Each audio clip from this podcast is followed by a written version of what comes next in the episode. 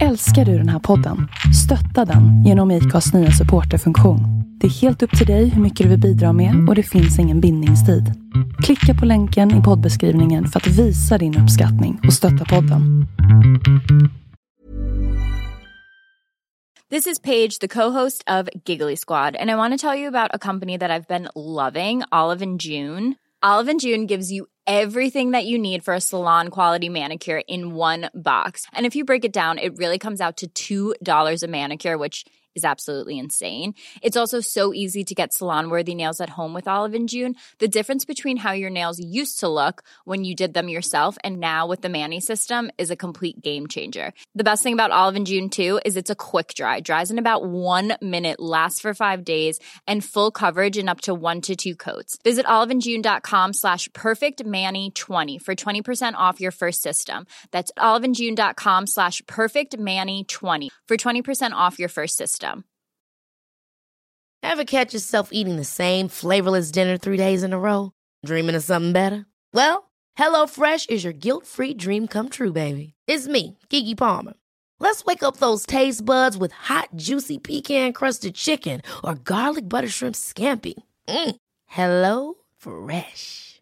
Stop dreaming of all the delicious possibilities and dig in at HelloFresh.com.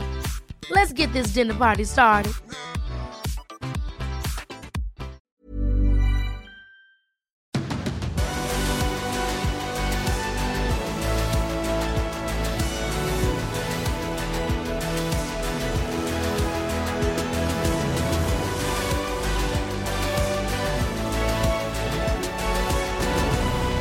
Hej! Välkommen till eh, MotoGP-podden. Det är dags för avsnitt 122. Precis när eh, MotoGP-säsongen har kört igång igen efter ett långt sommaruppehåll. Andreas, du, eh, vi var på plats. Äntligen. Äntligen hände det kändes det som. Ja, vet du vad jag kommer att tänka på nu? Nej. Idag är det ti- tisdag, är det inte alls. Det är onsdag vi spelar in idag. Dagarna går alldeles för fort här nu. Men idag fick vi beskedet att våra kollega har avlidit. Zachrisson. Ja, ehm, ja. Jag har knappt hunnit smälta det.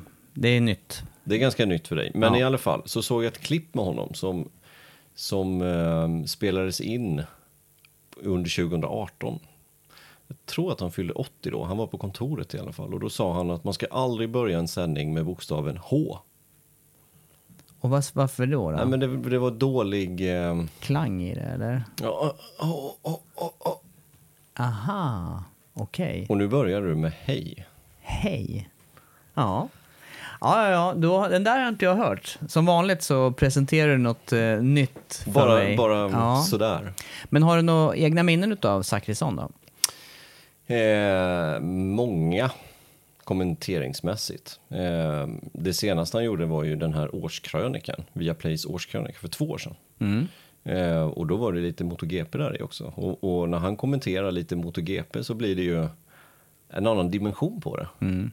Och det var ju när Marcus var så himla överlägsen den säsongen och då hade han några bra meningar om det. Det var kul. Ja. Ja jag minns honom från eh, min, mina yngre år när det var golf framför allt. Och de här målande beskrivningarna av allt ifrån väder till gräs till eh, svårigheter på, de, på banorna. Och, ja, men det är ett annat tempo i golfkommentering skulle jag ju säga. Mm, Annars kanske, Kan jag, annars kanske vi skulle kunna öva på att vika ut lite grann också. Men har vi, viker vi ut sådär mycket då har ju racet tagit slut. Ja. Eller skeendet som man kommenterar just då i alla fall. Jag som är lite tekniker på de här kanalerna också vet ju att när man haft golfkommentatorer eh, i de boxarna vi sitter i så får man alltid höja upp dem där för att de pratar ju väldigt, väldigt, väldigt, väldigt lågt så där måste man gaina upp dem rejält och kommer det andra kommentatorer som fotboll eller något liknande så då måste man vrida ner dem ordentligt. Ja, intressant. Vi börjar om då och säger varmt välkomna Tobias Lajon och Andreas Mårtensson med MotoGP-podd. Det låter lät bra. Ja. Du, eh, är en hel del att avhandla eh, idag. Både startnummer, 122 är det på podden, 22 blir det startnumret och sen plus och minus efter racehelgen. En hel del tankar efter racehelgen med eh, saker som hände. Och sen en, en kort framåtblick till, efter, till Österrike igen. Det är dubbelhelg. Déjà vu. Ja, det skulle man kunna säga. Ja, Så kan man börja. så kan vi börja. Men eh, känner du dig redo? 22. Mm, Ska vi börja med 22. det? Ja. 22. 22 för mig är eh, Sam Lowe's. Han är aktiv. Han Ja. kör motor 2. Och har åkt lite MotoGP. Men det är lite. En säsong vill jag minnas att det blev. En säsong blev det, på Aprilia, som inte var speciellt bra. Han tog fem poäng totalt sett. Det var två stycken poängplatser. Sen blev det inte mer. Och det är årets kraschkung. Ja, och det har han ju tyvärr varit ett antal år. Men han har också lite meriter vill jag minnas. Och han är ju en, eh, han är ju en förare som, eh, som skulle kunna ha många fler mer- meriter också. Ja, men det tycker jag. Han är ju världsmästare i eh, Supersport 600. Det blev han ju 2013. Sen så tog han klivet över till Moto 2 och sen har han kört Moto 2 sen dess, förutom då en säsong i Aprilias MotoGP-team. Eh, vann de två inledande racen den här säsongen. Sen eh, har det gått lite utför, ligger fyra just nu. Mm. Och, och framförallt förra säsongen måste ha varit tung för hans del när han eh, på något vis tappade mästerskapet i slutet av säsongen med sina krascher i Valencia. Ja, exakt. Det var ju nära där. Han hade tre, tre, tre segrar på raken där, så att, eh, det var nära. Mm, det var väldigt nära. Han gjorde en fantastisk insats i Portugal, sista racet för året. Mm. Bruten hand. Ja, Men eh, 22 är det i alla fall och eh, ja, jag tänker på nummer 22 så är det faktiskt Sam Lowe's. Och han har ju, där är ju en ganska tydlig koppling till, eller det, det, jag vet inte om det är uttalat varför han har det här startnumret, men han har ju en tvillingbror också, Alex Lowe's, som, eh, som kör samma startnummer i Superbike-VM numera. Och eh, de här är ju, ja, perioder i deras karriär har de ju varit svåra att skilja åt, i alla fall för mig, utseendemässigt. De är väldigt lika. Han kör väl eh, bredvid Rea, Mm, så. fabriksteam. Mm. Men många år hos Yamaha och faktiskt inhopp i MotoGP också ska vi inte glömma bort. Nej.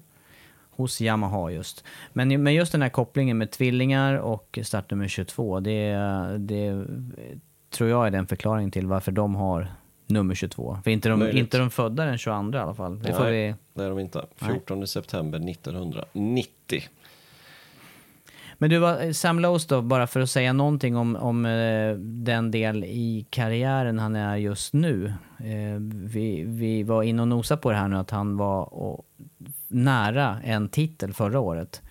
Är hans eh, karriär i Moto 2 klar eller ska han ha siktet inställt på någonting annat tycker du? Ja. Det är frågan vad som händer här. Vi kanske kommer till en, eh, vi kanske, kommer en punkt lite längre ner i den här podden när vi ska avhandla just lite silly season, Petronas, vad de ska göra. Och ehm, mm, Avvakta med det då. ja, ska vi göra det? Vi gör så. Ja, men kanske att Sam Lowe's kan vara aktuell ändå. För en av de styrningarna. För det, de har ju satt sig i en liten underlig, det, det, det är inte deras fel egentligen, men de är i en liten underlig situation, Petronas Yamaha, inför kommande säsong. Eh, Rossi valde att ge, lägga hjälmen på hyllan, det fick vi reda på i torsdags. Eh, det var ganska förväntat, vi har redan pratat om att de behöver nog två nya förare till, till Petronas Yamaha.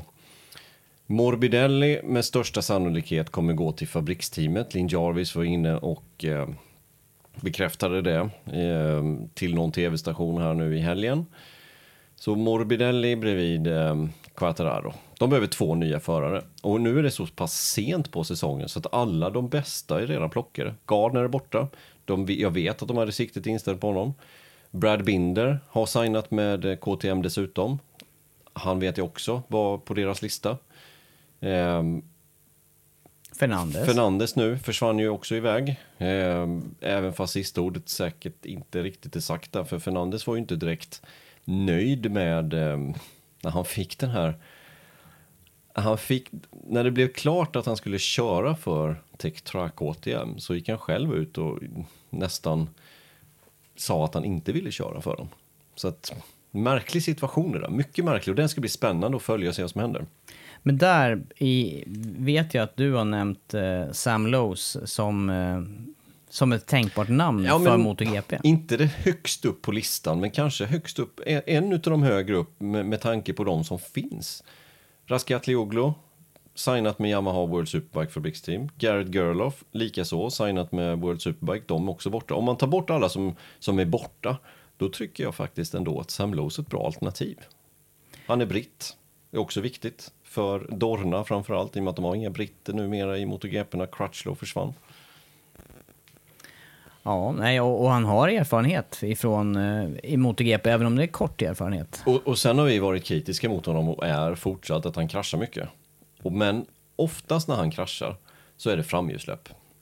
Det, det får mig att tänka, hur kommer han prestera på en Yamaha i MotoGP? Jo, det vet vi inte än. Men hur ofta ser vi en Yamaha-förare gå omkull på framhjulssläpp? Det är inte jätteofta. Det känns som att Yamaha är rätt stabil i framänden och ger bra feedback till föraren.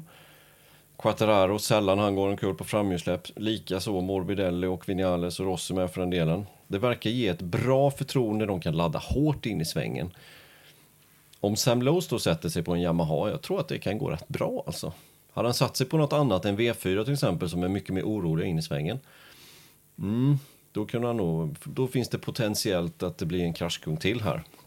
Då Eller kommer att han ökar på den Ja, här statistiken. Exakt. Men, men en Yamaha, jag tror att det skulle kunna passa honom. Ärligt talat tror jag det. Han kommer krascha ändå, självklart. Och kommer säkert vinna statistiken. Men jag tror att det finns hopp om att det kan gå rätt bra. Med, med den erfarenheten han har. Åldern han har, 31 år gammal nu. Och kört en säsong i MotoGP, inte att förringa. Nej, och nej, intressant eh, vändning om det skulle ta den vägen just för Lowe's här. För att annars så känns det lite som en eh, återvändsgränd eller att han, eh, han har möjlighet att åka Moto 2 några år till såklart. Eh, och, och kämpa för en titel. Men som sagt var, hans, eh, hans peak i karriären fartmässigt, den kanske är just nu. Ja, det kan vara. Och, och sen om man tittar på andra motor 2-förare som kan vara ett bättre alternativ. Ja, men som vi sa, Gardner är borta, Fernandes som det verkar borta. Besecki ryktades ju lite grann nu då till Petronas, men jag kan inte tänka mig att han kommer köra där när det väl ska signas, utan jag tror att han kommer köra för Ducati i så fall. Och Rossis team, han tillhör akademin. Han kör ju Rossis team nu, jag vore väldigt förvånad om han går till Petronas. Ehm, ja, Canet, också ett bra alternativ, men Canet har signat med Pons och Moto 2 till nästkommande säsong och ska byta då från Speed Up till Kalex. Vill säkert vara kvar där. Det finns inte så många andra i Moto 2 helt enkelt. Jag kan inte komma på några bättre. Sen har vi ju de där som de redan har i Petronas, alltså Vierge, eh, Dixon. Jag tycker inte att någon riktigt utav dem är mogna för att ta steget upp. Nej, de har inte blommat ut så som man skulle behöva se, tror jag. Och Nej. Dixon var ju på väg, men det var ju, för, det var ju våras det. Och därefter har han haft en svår handskada.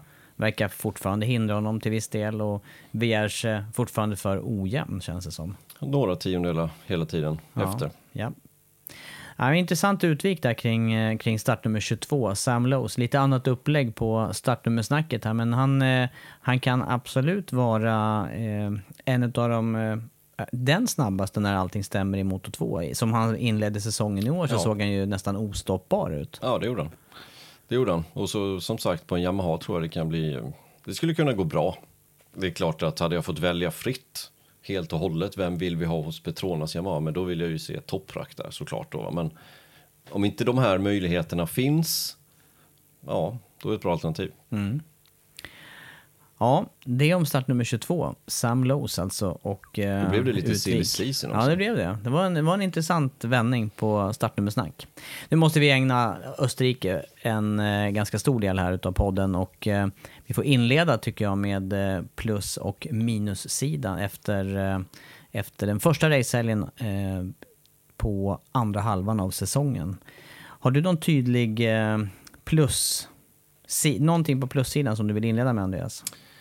Kan man ha mer tydlig plussida än söndagens segrare? Jag tror, Jorge inte det. Martin. jag tror inte det. Nej, jag tror knappt det heller. Som alltså tar seger i, från pole position dessutom. Från, eller på sitt, i, nu är det många här, i sitt sjätte race. Ja. Och det är han eh, en av få som har lyckats med. Dels att vinna race överhuvudtaget i sin rookie-säsong. Sen vinner han, det är, många, det är faktiskt många variabler här som är ovanliga. Han vinner i ett satellitteam, Pramax första seger. Och han vinner också efter att han slog sig sönder och samman faktiskt i Portugal. Ja men exakt, att, att han tar eh, första segern för Pramac. Han tar det före Miller. Han tar det före, ehm, ja, då går vi ännu längre tillbaka i tiden, före Redding, före Petrucci, före Miller och före han som ligger tvåa i mästerskapet just nu, Sarko. Det, Och lägg till Banjaya också. lägg till honom också, ja. som inte ens har tagit en seger i fabriksteamet än. Eh, och så tar han den här segern. Imponerande. Lite nagel i öga på de här som inte har gjort Visst det. är det? Ja, det är det. Ja, jag tycker det. Och jag, Jag var, jag, det. tyckte han hade, jag tyckte han hade så eh, bra reaktion efter. Det var ju en riktig racingförares reaktion. Han var glad och allting, men siktet inställt vidare på en titel. Mm. Ja, men exakt. Som Och- att det här var, det var ett steg på vägen. Ja, det, jag tyckte om den här intervjun, alltså segerintervjun. Det var, det var mm, glädje, men samtidigt som att det finns andra mål också längre fram. Tycker det, tycker det är skönt att höra. Vad tycker du att han sticker ut på då? Förutom att han kan vinna race, det har han visat i, i andra klasser också. Jag menar, han har ju en grym talang, det går, det går ju att se. Men under det här racet så tyck, vi fick åka med Mir ganska många gånger. Framåt kamera, när man kunde se vad Martin gjorde. Och han satte inte ett hjul fel. Han, det var inte svajigt i bakänden, han missade inte spåret, han var inte för långt ute. Nu fick han ändå en varning till slut då, men det kan hända alla. Eh, men när vi fick, och fick åka med Mir, då tyckte jag man såg att det här kommer bli svårt för Mir att ta igen det där. Jag tyckte man såg det redan på liksom, ombordbilderna eh, ifrån Mirs kamera att det där blir svårt alltså. Det där blir svårt. Och nu är de ändå, nu fightas han ändå då, Martin menar jag, med, med andra förare som har haft ungefär samma typ av karriär. Jag menar nu är det, i toppen av MotoGP nu så är det en hel del förare som kommer genom de här juniorserierna, Red Bull Rookies Cup och det var ju just ett sånt race också nu under helgen i Österrike. Jag är fortfarande imponerad och fascinerad varenda gång jag ser de racen, hur, hur duktiga de här unga förarna är på jämn och tät racing. Men just det här som du säger, ligga under press ifrån någon. Det var ju inte så att det var Martin som låg och skugga. Det var ju faktiskt lite samma raceutveckling som i Qatar, här, eller då. Ja. Det andra racet för säsongen. Att han, han höll täten. Ja, och inget problem. Och inga misstag. Nej. Utan, eh, nej men det är superimponerande. Superimponerande race som man gör. Och jag sa den statistiken och jag har glömt den riktigt hur den var här. Men, men eh, han körde sitt sjätte MotoGP-race. Och vilka var det nu som hade vunnit ett race inom sina sex första MotoGP? Det var Pedrosa, det var Lorenzo, Ja, vilka förare var det ytterligare igen? Brad Binder, Marquez. Just det, för Binder vann tidigt där i Tjeckien. Jag tror bara det är de fem. Kanske till och med under rookie-säsong. Jag vet inte ens om man behöver Ja, säga de så sex, tidigt. Ja, sex första racen i MotoGP, vem som har en seger. Jag tror det var Pedrosa, Lorenzo, eh, Marquez, Binder och nu Martin. ja, det är förnämt sällskap, det kan man ju inte säga annat. Nej, det är bra. Kanske inte otroligt att tro att det kan bli en, en titel så småningom. De har bra återväxt i Ducke just nu. Mm. Faktiskt. Mycket, mycket. Faktiskt. Två bra förare i fabriksteamet och, ehm, och sen Martin där som knackar på dörren och sen har de en tvåa i mästerskapet dessutom. Och nästa år ska de ha fyra hojar till.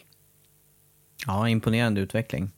Ehm, men eh, definitivt på plussidan, det är jag med. Och eh, vi kan ju också lägga till en sak. Han, han skapar ju det här genom att eh, vara snabb kvalare och det har han också varit i sin karriär. Så att han har ju både, han har ju både den här eh, race-instinkten eller förmågan att vinna race eh, och han har förmåga att kvala bra. Ja, Och frågan är om inte han hade tagit hem Moto 2-titeln förra året utan sin... Han hade ju faktiskt en, en arm... Var det armskada eller benskada förra året? Bröt armen. Någonting var det ju. Han tappade ju ett par race. Efter Österrike där blev det ju stopp för honom. var det inte någon covid också? Det kanske var covid det var. Någonting var det som gjorde att han missade race Ja, jag tror att det var covid. Ja. Ja, ja, du ser. Tiden går fort även för dig ibland. Ja, Men hur som helst, eh, det inverkar ju verkligen på, på mästerskapet för hans del. Plussidan för Martin alltså. Och eh, sen nämner du eh, Mir. Honom skulle jag vilja lyfta in på plussidan också. Även om man inte lyckades eh, hota Martin i det här racet så, så var ju hela racehelgen egentligen ett lyft för Mir. Eh, på en bana som man kanske inte fullt ut tror att Suzuki ska vara konkurrenskraftiga på. De, Men de var ju det förra Jo, året. jag vet, Det är ju det. vet. Han ledde faktiskt racet förra året. Ja, det är fascinerande. Och nu har de sin nya device. Den var skillnad. Ja, den var skillnad. det Alltså var skillnad. åtminstone, den gjorde skillnad under framförallt kvalet såg man ju. Ja, det gjorde den. Den kom till slut. Eh, Det tog ett tag innan den eh, kom fram. Eh, Men den satt på cykeln då under FP3 första gången. Plussidan då, för det, det måste ändå gälla Mir, för Rins lyckades ju inte alls lika bra trots samma förutsättningar. Han får vi nästan ge ett minus va? Ja, han får nästan hamna på minussidan. Han blev kraftigt distanserad av eh, Mir. Vad kallar vi den här nu då? Devicen. ja, anordning. En del säger shapeshifter. Ja, men det är ju inte på svenska riktigt. Nej, nej, vi, Rear hate. Nej, vänta nu. rear height device. Just Ja, är det så? På engelska. Och det känns ju så tråkigt när man är 50 år gammal och slår upp ord som borde finnas någonstans i, i hjärnan. Men eh, sänkningssats, hade du inte du det på bilen när du var yngre? Sänkningssats. Ja, och tonade rutor. Inte Nej, det? det hade jag faktiskt inte. Jo, jag vet att du har haft det på en bil. En ruta, ja. Ja. ja. jo. Det har jag till och med på min nuvarande bil.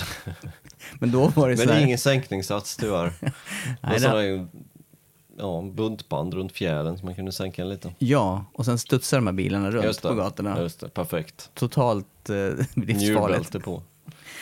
Nej, men en sänkningssats för bakänden, det var det som kom sent här nu på Suzuki, eller hur? Sänker bakänden och det, lägger, det gör man ju fysiskt och man gör det ut ur svängarna för att få mer grepp. Och man gör det även i starten. Och det här har ju de andra tillverkarna haft nu under säsongen, så att egentligen handlar ju det här om att komma på lika nivå som de Ja, övriga. ja. Och sen nu måste man ju finjustera det där. Nu, nu har man ju bara bultat på den i och med att den kom sent. Så att det kommer ju ta ett tag innan. Och nu visst, Red Bull Ring är väl inte den svåraste banan att lära sig använda den på. Det kommer ju komma svårare banor att lära sig. Men, men om du tänker efter själv här från din egen karriär, körningen. Om du, om du sänker bakänden där och sen för att få loss det här, visst, han, visst handlar det här om att det är någonting som sker ihop med bromsningen? För det är inte så Ja. att man, hö- den höjs inte automatiskt under raksträckan. Nej, utan den eh, poppar upp igen så att säga när du går på bromsen. Så geometrin på cykeln är ju annorlunda plötsligt när du På initialt. ja. ja. Ja. Men initialt i bromsningen också. Ja, det blir det. Det måste vara en annorlunda känsla för föraren. Det måste det vara, men det måste vara en, eh, det är ju en smart anordning för, för som man vill cykeln ska vara ut ur svängarna ska man ha hur mycket grepp som, som möjligt och det är klart att om man sänker den bak, vilket man gör ibland för att få bättre grepp, alltså rent eh, inställningsmässigt, så, så måste det här vara ännu bättre. Mm. Men sen är det ju ytterligare någonting man ska göra. Ytterligare en spak man ska dra i. Jo, men vi har sett ett problem, ja, vi har sett problem med eller- sånt också inför start och det är Ja. många... Och, och det ska göras på rätt ställe också. Ja, Jag kan inte svara på, det här är någonting för oss att ta reda på, det här med hur, hur lång eh, reaktionstid är det på från det du aktiverar den tills att den faktiskt har sänkts. Det, det måste ju kunna, beroende på när du, när du väljer att aktivera det här som förare, så måste det kunna skilja några meter. Ja, det måste vara svårt att använda detta för att när du lägger på gas ur en sväng, då ligger du med mycket nedlägg, du ligger med känsla. Om du då helt plötsligt sänker cykeln i det läget, då blir, det ju, då blir ju cykeln helt instabil. Och då känns det som att då är det för tidigt att göra det. Men om du istället gör det för sent, då spelar det ju heller ingen roll. Om du gör det upprätt läge, då kan, då kan du inte spela någon som helst roll i accelerationsmässigt. Så att Här måste de säkert samla data till det Ja, här. och det gäller nog att göra det i rätt läge. Verkligen rätt läge. Och jag tror att man går igenom det här på datan exakt. Ja, men där måste du göra en tiondel tidigare för att få maximalt. Ja, men då ligger jag med nedlägg på den. Då måste jag vika upp cykeln på ett annat sätt. Så att det där är nog lite um, tillvänjning.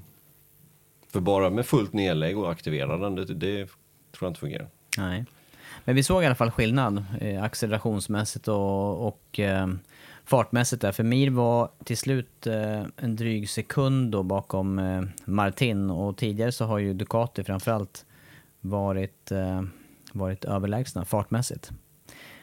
Jag tycker vi sätter plus på Mir som sagt och då har vi även behandlat Rins på, på minussidan. För det, där blir, det blir ju aldrig tydligare än så här när man har två teamkollegor att jämföra med Nej. samma helg. Nej. Det var tydligt den här helgen och jag tycker ändå att Rins har varit den som varit snabbare under säsongen, även fast han har fler nollor. Eh, men eh, lyckades inte den här helgen. En annan sak med Mir. Förra året blev han världsmästare. Hur många poäng tror du han hade efter 10 race? Ja, det här är svårt. Jag, jag kan knappt komma ihåg vilket som var det tionde racet förra året eftersom hela säsongen var förskjuten. Nu har jag ju papperna framför mig här. Så det var efter Aragon-racet. Då var det fyra race kvar på säsongen. Jag vet att han tog ju inte mycket poäng om man jämför med det som Marcus gjort. Jag drar till med 15 poäng i snitt. Han hade lägre än så.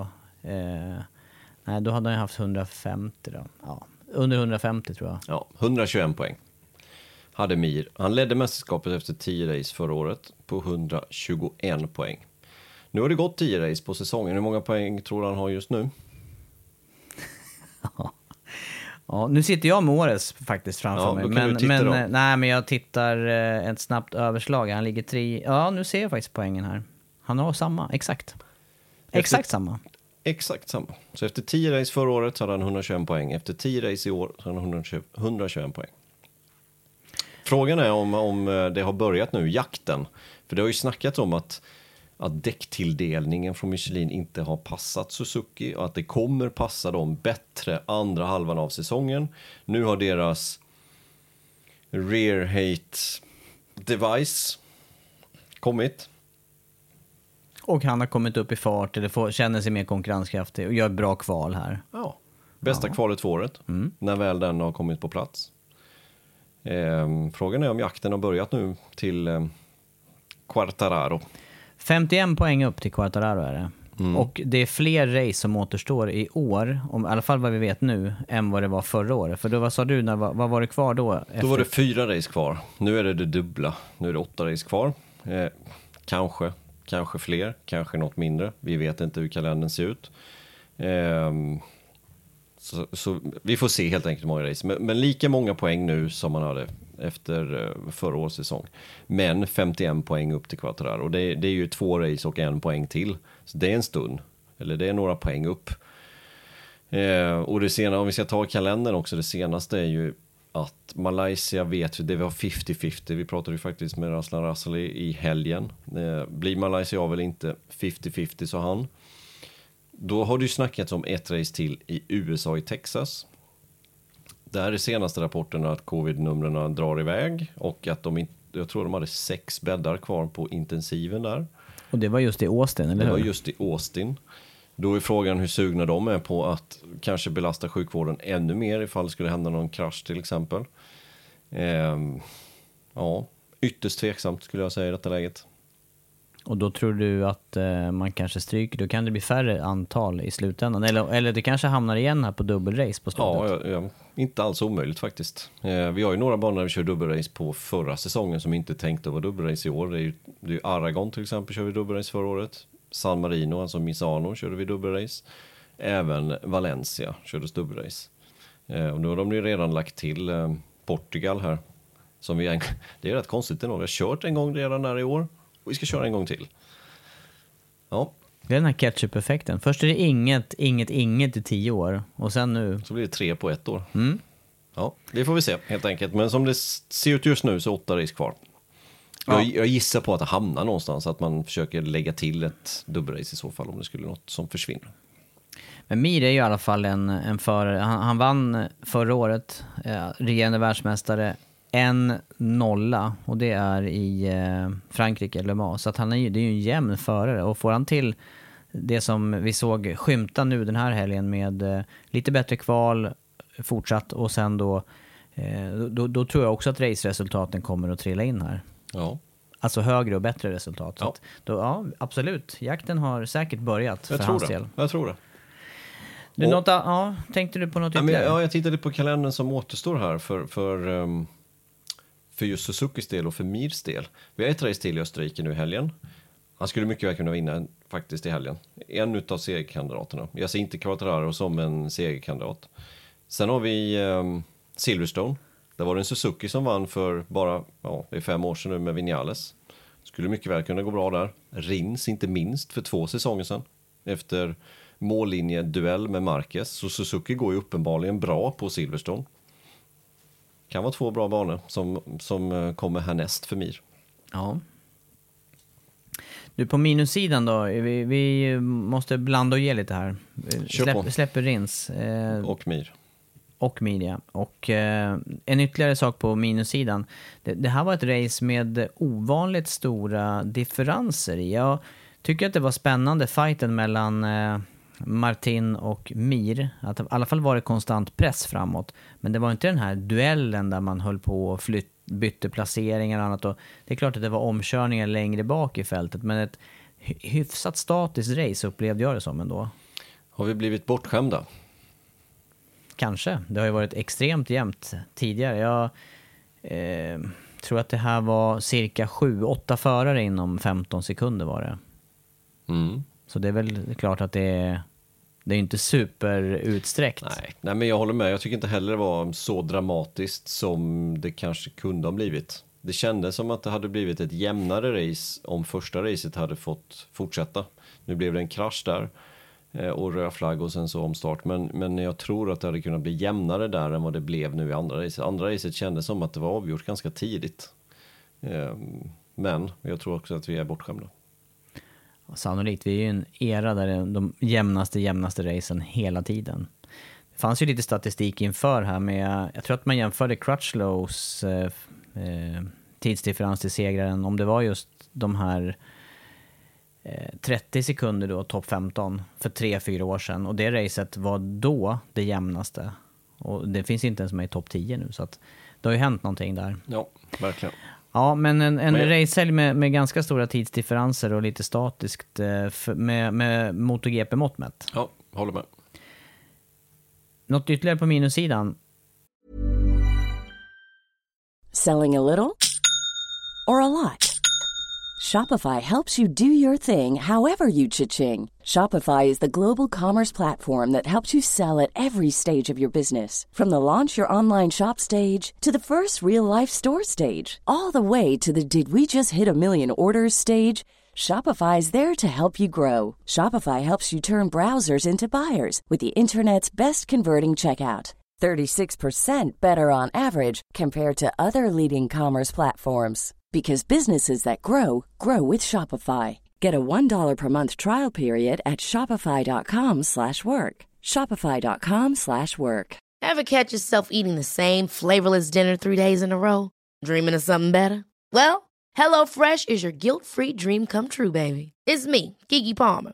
Let's wake up those taste buds with hot, juicy pecan-crusted chicken or garlic butter shrimp scampi. Mm. Hello Fresh. Stop dreaming of all the delicious possibilities and dig in at HelloFresh.com. Let's get this dinner party started.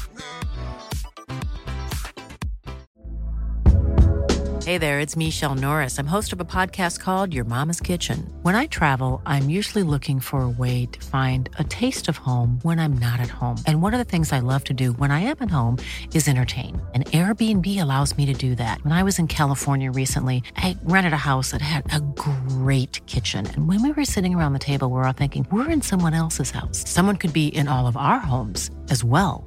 If you have a home, but you're not always at home, you have an Airbnb. Your home might be worth more than you think. Find out how much at airbnb.com/slash host.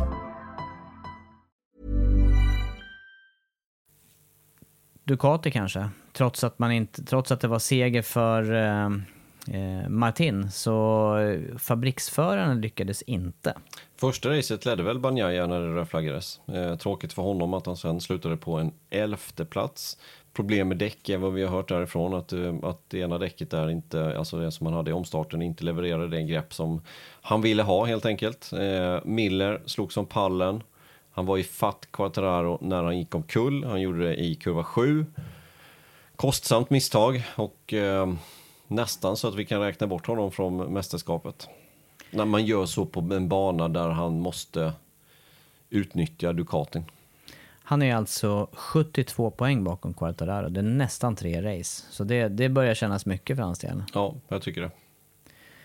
Ja, nej, då, det, får, det får bli minus på Ducati-förarna, fabriks-Ducatin. Och då återstår det ett plus. Jag skulle vilja ge det till, till själva eventet som sådant. Och inte bara för att vi var där och arbetade på plats, men det, vi har sagt det till, till varandra tidigare att eh, just organisationen och hur lättarbetat det är, det ligger i absoluta toppen utav hela, hela mästerskapet. Ja, men det gör det.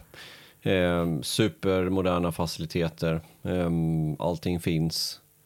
Även runt banan finns. Vi såg den här skurmaskinen, eller vad man ska kalla det, som var ute och fixade till det där efter, efter Pedrosas eh, krasch där eh, Savadori körde in i honom och Savadori är ju nyopererad nu, bröt ju fotleden.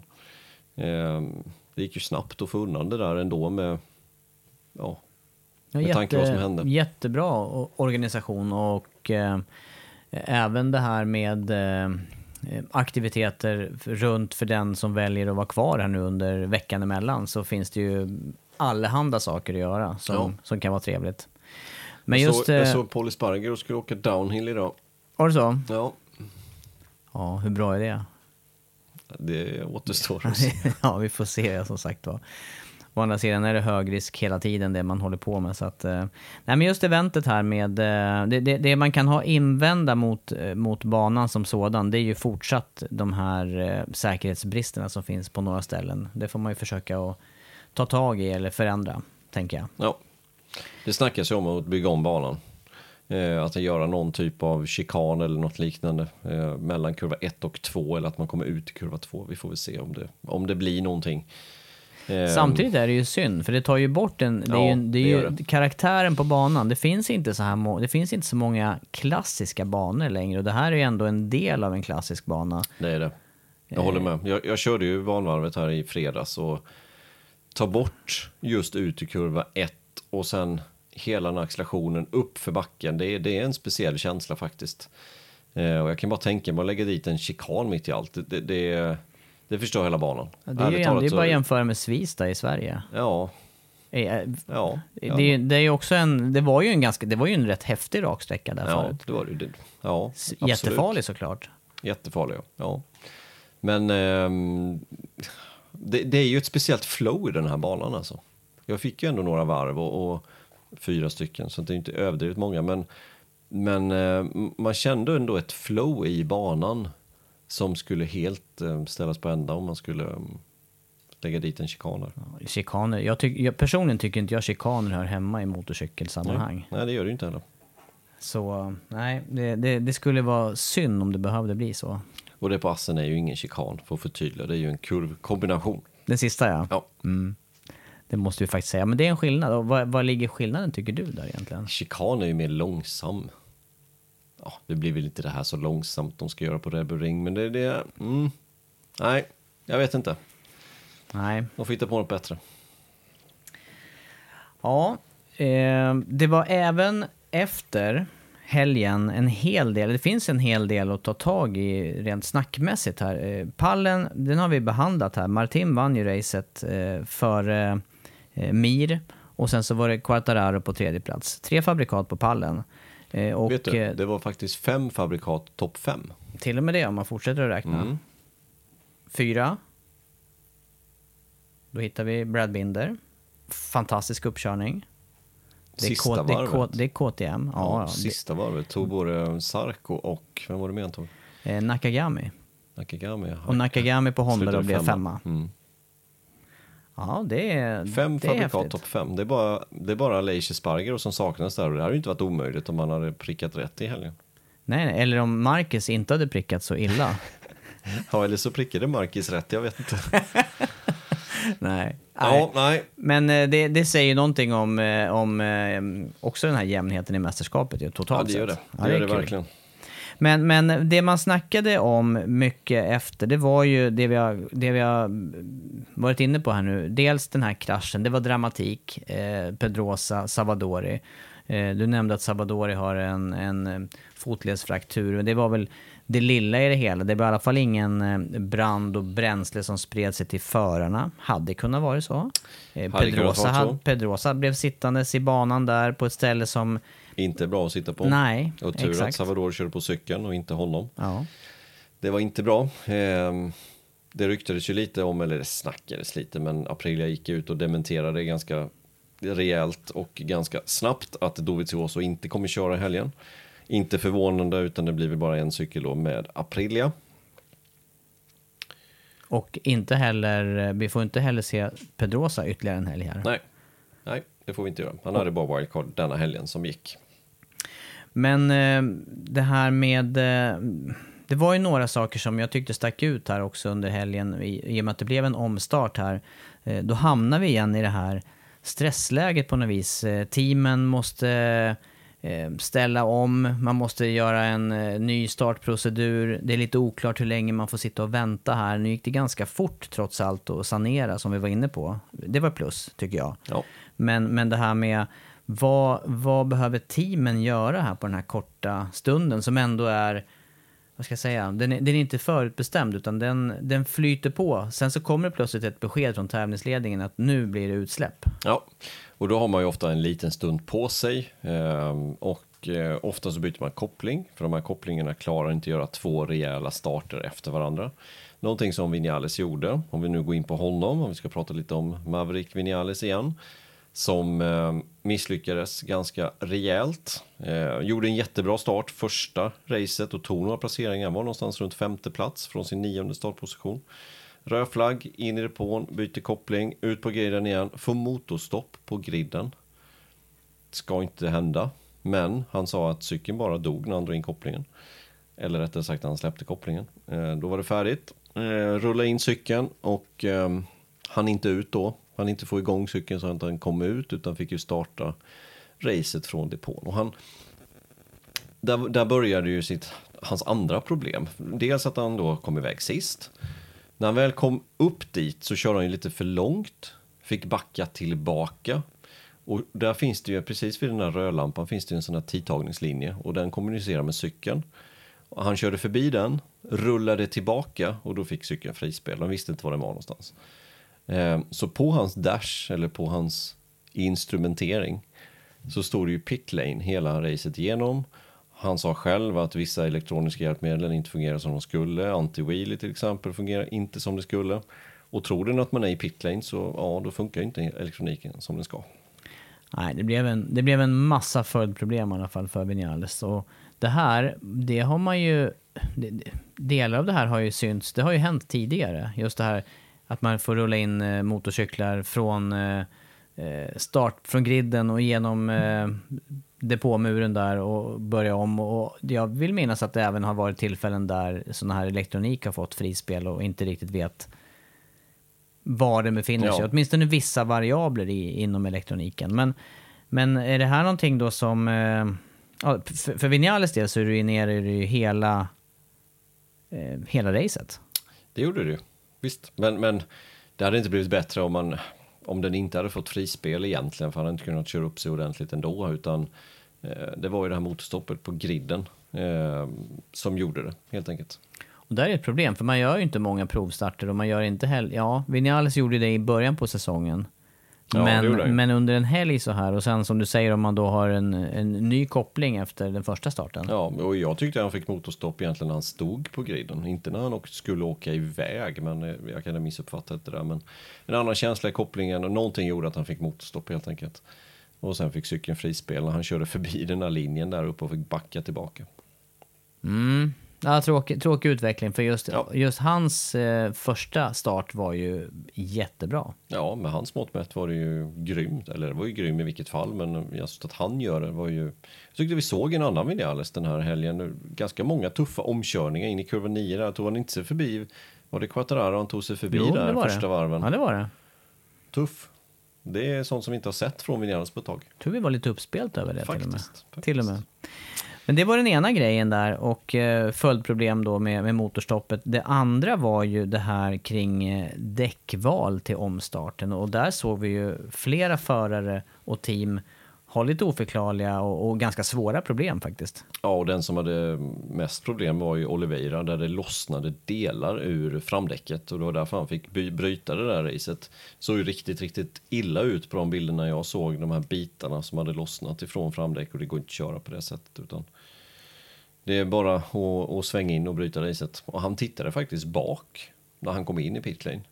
Eh, om man gjorde det med vilja eller om man trodde att det var bak vet jag inte. Ibland kan det ju vara så att man, man känner att någonting är riktigt, riktigt illa.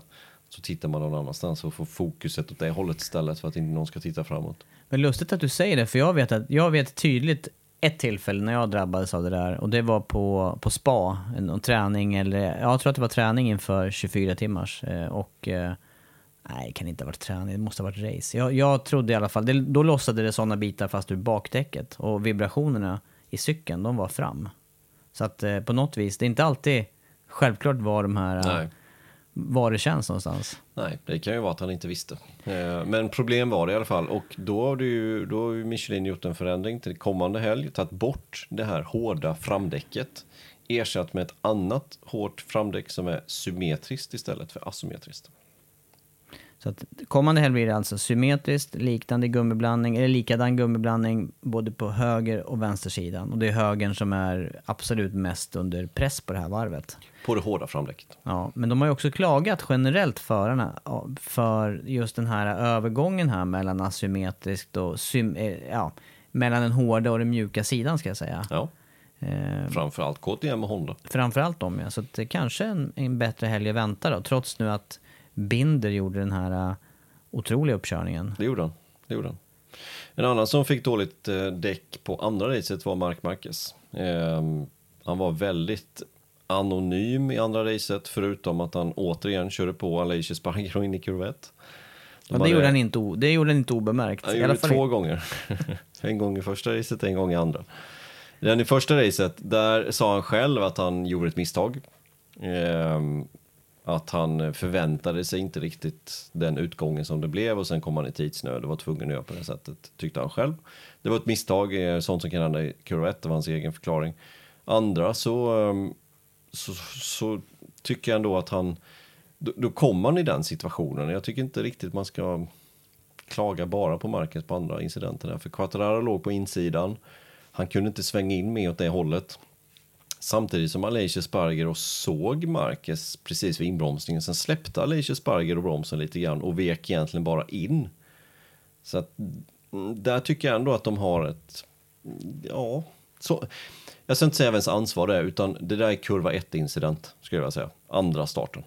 Det är sånt som kan hända i kurva 1. Och kurva 1 är ju det är klurig eh, layout på den här. För, för trots att banan är bred och stor så är det ju det är många svårigheter i första sväng. Vad upplevde du när du körde där? Nej, men det går ju upp för till att börja med och sen en kort sväng. Men en annan, ett annat problem med just kurva 1 på den här banan är att det är inte speciellt lång acceleration från startlinjen. Är det en lång acceleration, då lägger sig alla oftast på ett led. Och så åker man efter varandra och sen bromsar man. I den här, på den här banan så åker man mer ifrån sin startposition upp i kurva 1. Det vill säga att då är man tre i bredd och sen så har du tre bakom som också vill vara med. Därför kan det bli liksom 4-5 i bredd, men det finns bara ett spår. Och därför blir det trångt i just den här kurva 1. Och, och ytterligare en sak där, det är ju den här eh, indragna curbsen i utgången. Alltså det är, en, det är en kurva som möter det. Istället för att den öppnar upp i utgången så stänger den här ju. Ja, Och, och jag tänker också på någonting som, det, det var inte möjligt när jag tävlade där för tillbaka i tiden. när det hette Eh, när det hette Osterreichring. Zeltweg. Zeltweg. Nej, det hette A1-ring hette den en På den period. tiden, ja. Eh, påminner om eh, någon autobahnsträcka då, ungefär. Men i vilket fall, där var det ju grus utanför. Ja. Eh, då var det inte aktuellt att och, och, och chansa in i första sväng på det viset som vi ser. Eh, En del förare på något vis släpper ju ut cykeln per automatik i första sväng och tar det som en stor vid kurva och ganska rejält. Rossi gjorde det. Ja, ja det Det gjorde han.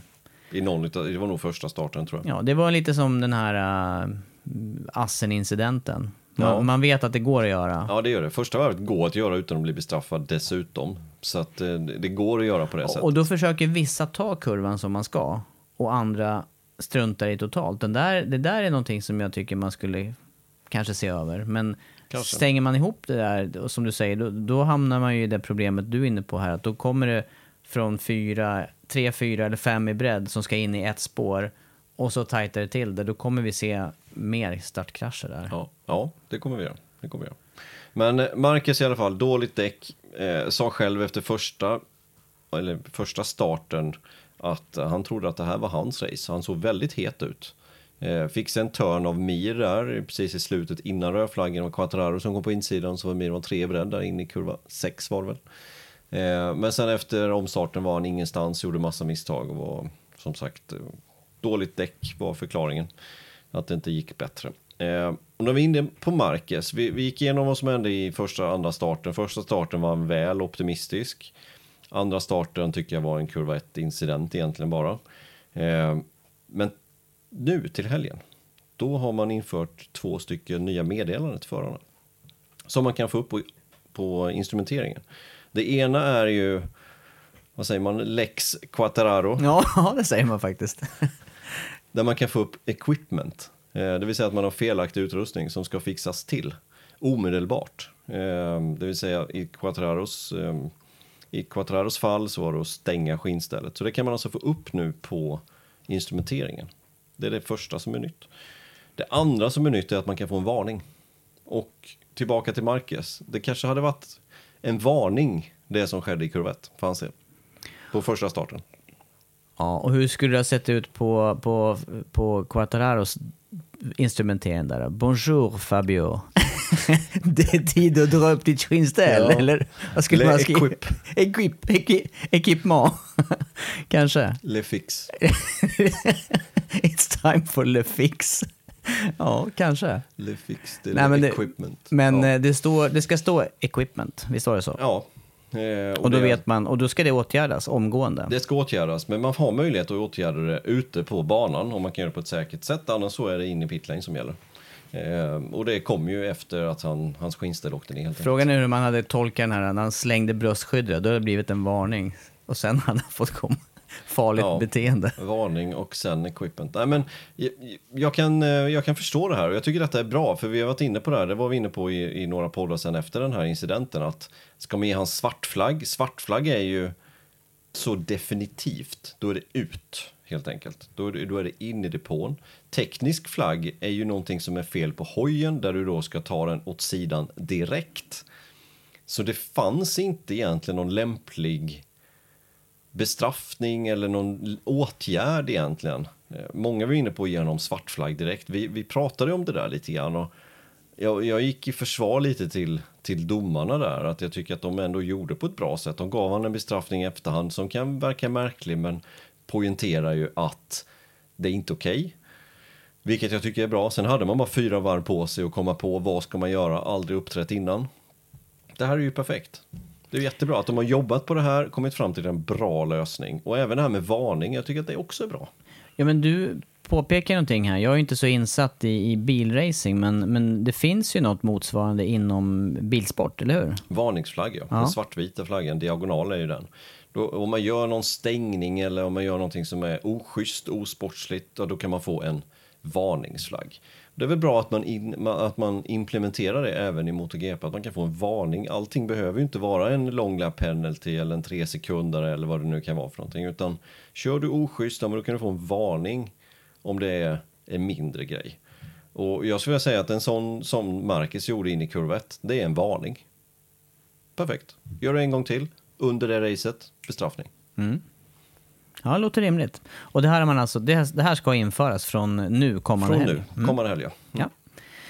Ja, något annat att notera som jag tänkte på och som blev eh, tydligt. Eh, det blev faktiskt tydligt eh, när du och jag gjorde vår eh, tippning inför eh, söndagen. Eh, som vanligt då, Andreas Mårtensson, extremt påläst, kollar alla listor, jämför tider och, och gör en kvalificerad, det är ju knappt tippning, det, ju, det kan man ju nästan ställa klockan efter ibland. Kanske borde bli såna, vad heter det, oddssättare. Ja, kanske. Eller spåman på riktigt. Då får man byta namn på det också. Men, och, och sen gör jag min, eh, min uppskattning där då, på något vis. och sen så säger du, ja men så tippar vi efter regn, sa ju du, på lördagen där. Ja. Och vet, då blir det bara blackout för mig. då hade vi ändå kollat på prognosen där. Och, och jag visste ju någonstans i bakhuvudet att ja, ja, det ska ju regna. Och då, sen, då tittade jag på mina namn och så tänkte jag, hur har jag tippat nu? Det här vart ju helt, helt tokigt. Men sen när vi står där på söndag och så blir det race och vi bara väntar hela dagen på, det var ju faktiskt väldigt mörkt eh, när vi anlände till banan på morgonen och det var också blött, upptorkande 125 höll jag på att säga, motor 3-race. Eh, och sen blev det ju inte det överhuvudtaget. Nej, sen blev det inte det. Eh, och det var 100% chans till regn. Mm. Det är ganska mycket procents chans att det ska regna. Det är ganska säkert då. Att, Mm. Det är bara idrottsmän ibland som satsar lite hårdare. Ja, men eh, det blev ingen regn. Väldigt förvånande. Så mitt, tipp, det, mitt tips, det, det sprack all världens väg. Jag hade, om man ska, nu tippar vi ju innan kvalet. Så ska jag säga min tippning då så hade jag Marcus Miller Sarko på pallen. Det tyckte jag var en ganska bra gissning i regn. Ja, det var det. Men det blev ingen regn. Nej, jag hade ju med, med lite torrt då i, jag hade ju Banjaya, Mir fick jag faktiskt in där. Du fick det. Ja, sen hade jag Marcus på tredje. Ja, nej det sprack. Det sprack all världens väg. Ja, det är svårare än man tror att tippa den här sporten. Väldigt svårt. Väldigt, väldigt svårt. Men det blev ingen regn. Eh, hur kunde de ha så fel, meteorologerna? Nej, men jag, jag, det, förklaringen är ju, tänker jag, det här med eh, bergsområden. Det, det är ju precis som du åker på skidsemester eller Ja, det kan ju verkligen slå om. Det kan ju till och med slå om från, en, från sydsida till nordsida på samma... Ja, passerar man ett bergspass så kan det vara helt omslag. Så att det kan ju helt enkelt vara sådana saker. Det här hela området är ju en dalgång. Det är berg runt hela, eh, runt hela området där. Så att eh, ja, på något vis så lyckades det väl hålla undan.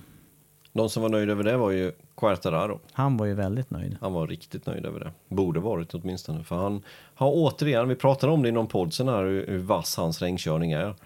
Och jag står på mig där, alltså den är inte bra alltså. Nej, sen tror jag faktiskt att alla generellt i depån är nöjda att det här var ett torrrace. För Ja. just igen här med riskerna. eh, Så, så är det ju en bana som är, den är klurig som den är om det händer någonting och, och händer det under regn så, så vet vi ju hur eh, krascherna det- kan bli. När vi såg väderprognosen redan då var det ju snack bland förarna, teamen att det kanske inte ens blir något race eh, utan att de kommer ställa in om det blir för mycket vatten. Eh, och att det i så fall kommer köras på måndagen, vilket man hade möjlighet att kunna göra den här veckan i och med att de ändå kvar där, teamen och förarna. Så att, eller ja, flertalet är kvar, några säkert åkt hem. Det ligger en flygplats precis jämte där, fullt med privatjet, så att det är enkelt att ta sig därifrån. Ja, och du annars under helgen här, vi, vi nämnde det här kort, men, men Rossi annonserar alltså um, sitt, eh, sin, pensionering från MotoGP, att han lägger hjälmen på hyllan. Och det här i sin tur sätter ju på något vis bollar i rullning eh, tillsammans med Vinales då som kliver av sin fabriksstyrning. Och vi, vi var ju inne på det här under, redan under startnummer 22 men det öppnar ju upp massa möjligheter i Petronas-teamet faktiskt för en nystart. För det har ju varit en tung säsong för deras del. Det har varit en eh, riktigt tung säsong. Eh, nu körde Crutchlow, vad hade de nu? 77 år tillsammans, var det så? Mm, de två tillsammans, De ja. två Rossi, och, tillsammans. Rossi och Crutchlow ja. Och de tre på pallen då, vad var de? ja de, hade ju, de var ju yngre tillsammans. Yngre tillsammans än 77, ja visst var det så? Ja, det var Mir, de. Jag tror Mir är äldst där, med 23 eller något liknande. Ja, jag såg också några siffror på det där. Och Quattararo är väl 21, 22 kanske. Ja, 22 och Martin kanske. är väl 20 någonting. Ja, de är unga allihopa. Ja. Och eh, som sagt var inte, inte ens de tre tillsammans. Men, men eh, då, då, jag tror ju att Petronas eh, till viss del vill tillbaka till eh, det här juniorteamet. Alltså att Ja. man matar in, skolar in förare till eh, fabriksteamet. Ja, det tror jag också. Eh, vi fick ju ganska lång pratstund med Johan här i helgen flera gånger och ehm, det var väl mer eller mindre målet också att försöka gå tillbaka till det som man hade när man kom in i MotoGP 2019. Förare däremot var lite svårare att få ett namn där, vilka som är på gång, utan det var mer att vi jobbar på olika förare och det, det, det är ju ganska förståeligt i det här läget när de står utan en enda förare. Eh, behöver in två stycken till MotoGP-teamet. Spännande att se alltså. Riktigt spännande. För, det, för därför, anledningen till att vi pratar mycket om det här teamet är ju för att kolla vad Quattararo gjorde första säsongen. Från att ha varit en på pappret medioker Moto 2-förare med någon seger i bagaget så går han in i MotoGP och utmanar Marquez under hans säsong när han vinner 12 race och kommer tvåa i sex eller något liknande. Och gå in och utmana honom. Så det är ju en bra styrning vi pratar om. Ja, visst är det det. Visst är det det. Och um, därav också den reaktion som uh, vi kunde läsa mellan raderna här från uh, Raúl Fernandez. Uh, som kanske inte var helt nöjd och, signa för Tectoral-teamet, KTM. Nej. Lät det, inte så. Nej, det lät verkligen inte så. Det ska bli intressant att följa vad som händer i den härvan faktiskt med Raúl Fernandez som definitivt har ett, ett erbjudande från, eller hade åtminstone från Yamaha. Och hade ju varit perfekt för Yamaha. Men det är lite som hos eh, läget nu då med eh, Ducati som har lyckats knyta massa lovande värvningar eller personer eller förare till sig. Eh, KTM har ju också med Red Bull Rookies Cup redan där så brett underlag så att de kan ju inte ta hand om alla sina förare till slut. Nej. Då, inte hela vägen. Nej, och de har ju två, åtminstone en rätt bra förare i Moto 3 som leder helt överlägset och som vann igen med Pedro Acosta. Ja. Och, och Raúl Fernandez åkte Moto 3 så sent som förra året. Ja. Och, och, redan så snackar man nu om MotoGP här så att, ja. Många bra förare på gång, men KTM vill nog göra allt vad de kan för att behålla honom. Eh, även fast jag, det var jag varit inne på tidigare också, men jag skulle se en bättre framtid hos Raúl Fernandez i Yamaha än hos KTM. För KTM har Oliveira och har Binder. Och det är nog förare som de inte heller vill släppa. Och det har de i fabriksteamet. Det är svårt att peta någon där. Jag tror det är lättare att peta någon utav Quattararo och Morbidelli faktiskt i förlängningen. Mm, ja, jag tror, jag tror detsamma där. Ja, mycket att, mycket att summera och smälta. Och eh, jag tycker det är skönt att känna att eh, säsongen är igång igen. Långt sommaruppehåll och, och också roligt att ha möjlighet att åka på plats igen. Så att eh, det, här, det här kommande racen nu som kommer, eh, eh, det drar igång bara med ett par dagar. Eh, det riktiga Österrikes Grand Prix. Nu det riktiga ja. Styrian Grand Prix. Mm. Steiermarks GP. Vad, eh, vad, vad, har vi att se fram emot? Ja. Racehelg nummer två. Det verkar bli lite bättre väder än vad som var tanken. Att, nu blev det ju tott ändå, men, eh, men ehm, det ser bra ut. Jag ser fram emot en helg som inte är lik den helgen som var. Tittar vi förra året så har det inte varit, har det varit så att det har blivit olika typer av race. Men jag, jag tror fortfarande Mir kommer bli vass i helgen. Han såg sugen ut eh, helgen som var, var först ut på vissa träningar, eh, var snabb, blev tvåa, kunde inte riktigt utmana i slutet. Men jag tror att han eh, kan få ordning på datan. De har fått några dagar till på sig att analysera det här med deras eh, device bak där. Så jag tror Mir blir vass. Sen tänker jag på det här med, eh, med kval och eh, differens. Att eh, det vi såg förra året, kanske att racen blir lite jämnare tidsmässigt. Eh, ja. Och då blir ju kvalen på ett sätt ännu viktigare att stå på rätt ställe när, man, när racet drar igång. Det kommer bli viktigt. Ja. Det är Annars hel... är det repris igen på det som hände. Ja, ja men det, vi, såg, vi såg aldrig riktiga repriser egentligen förra året. Nej, det gjorde vi inte. Resultatmässigt. Det var inte, det var inte identiska resultatlistor som vi kunde nej, läsa. Nej. Men jag förväntar mig Mira bra. Jag förväntar mig att Miller höjer sig rejält. Jag tycker han var rätt anonym faktiskt den helgen som gick här nu. Eh, Quattararo gjorde ju vad han kunde där, blev trea. Det får sägas som att kan han göra bättre än så, ja då är det ju verkligen succé. Men det, det jag tror faktiskt inte det. Utan jag tror att det är det, är det han kan krama ur Yamaha på den banan. Mm. Ja, då har vi lite framåt, framåtblick kring eh, Österrikes Grand Prix då. Och eh, som sagt var, det är bara ett par dagar bort. Sen, eh, sen får vi se vad som händer. Ja, och vi tackar våra lyssnare, alla som stöttar den här podden. Sändningstider i helgen är precis som vanligt. 9.45 FP1 och sen så drar det igång hela helgen. Race start 14.00, uppsnack 13.25. V-sport mot Hi, I'm Daniel, founder of Pretty Litter. Did you know cats tend to hide symptoms of sickness and pain? I learned this the hard way after losing my cat, Gingy. So I created Pretty Litter, a health monitoring litter that helps detect early signs of illness by changing colors, saving you money and potentially your cat's life. Pretty Litter is veterinarian developed, and it's the easiest way to keep tabs on your fur baby's health right at home. Go to prettylitter.com and use code ACAST for 20% off your first order and a free cat toy. Terms and conditions apply. See site for details.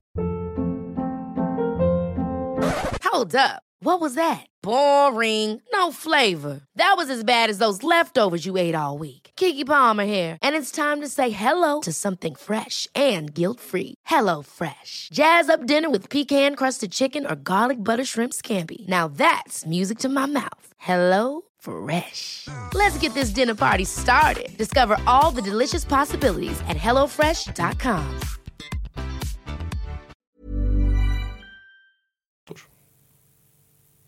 Tack för idag.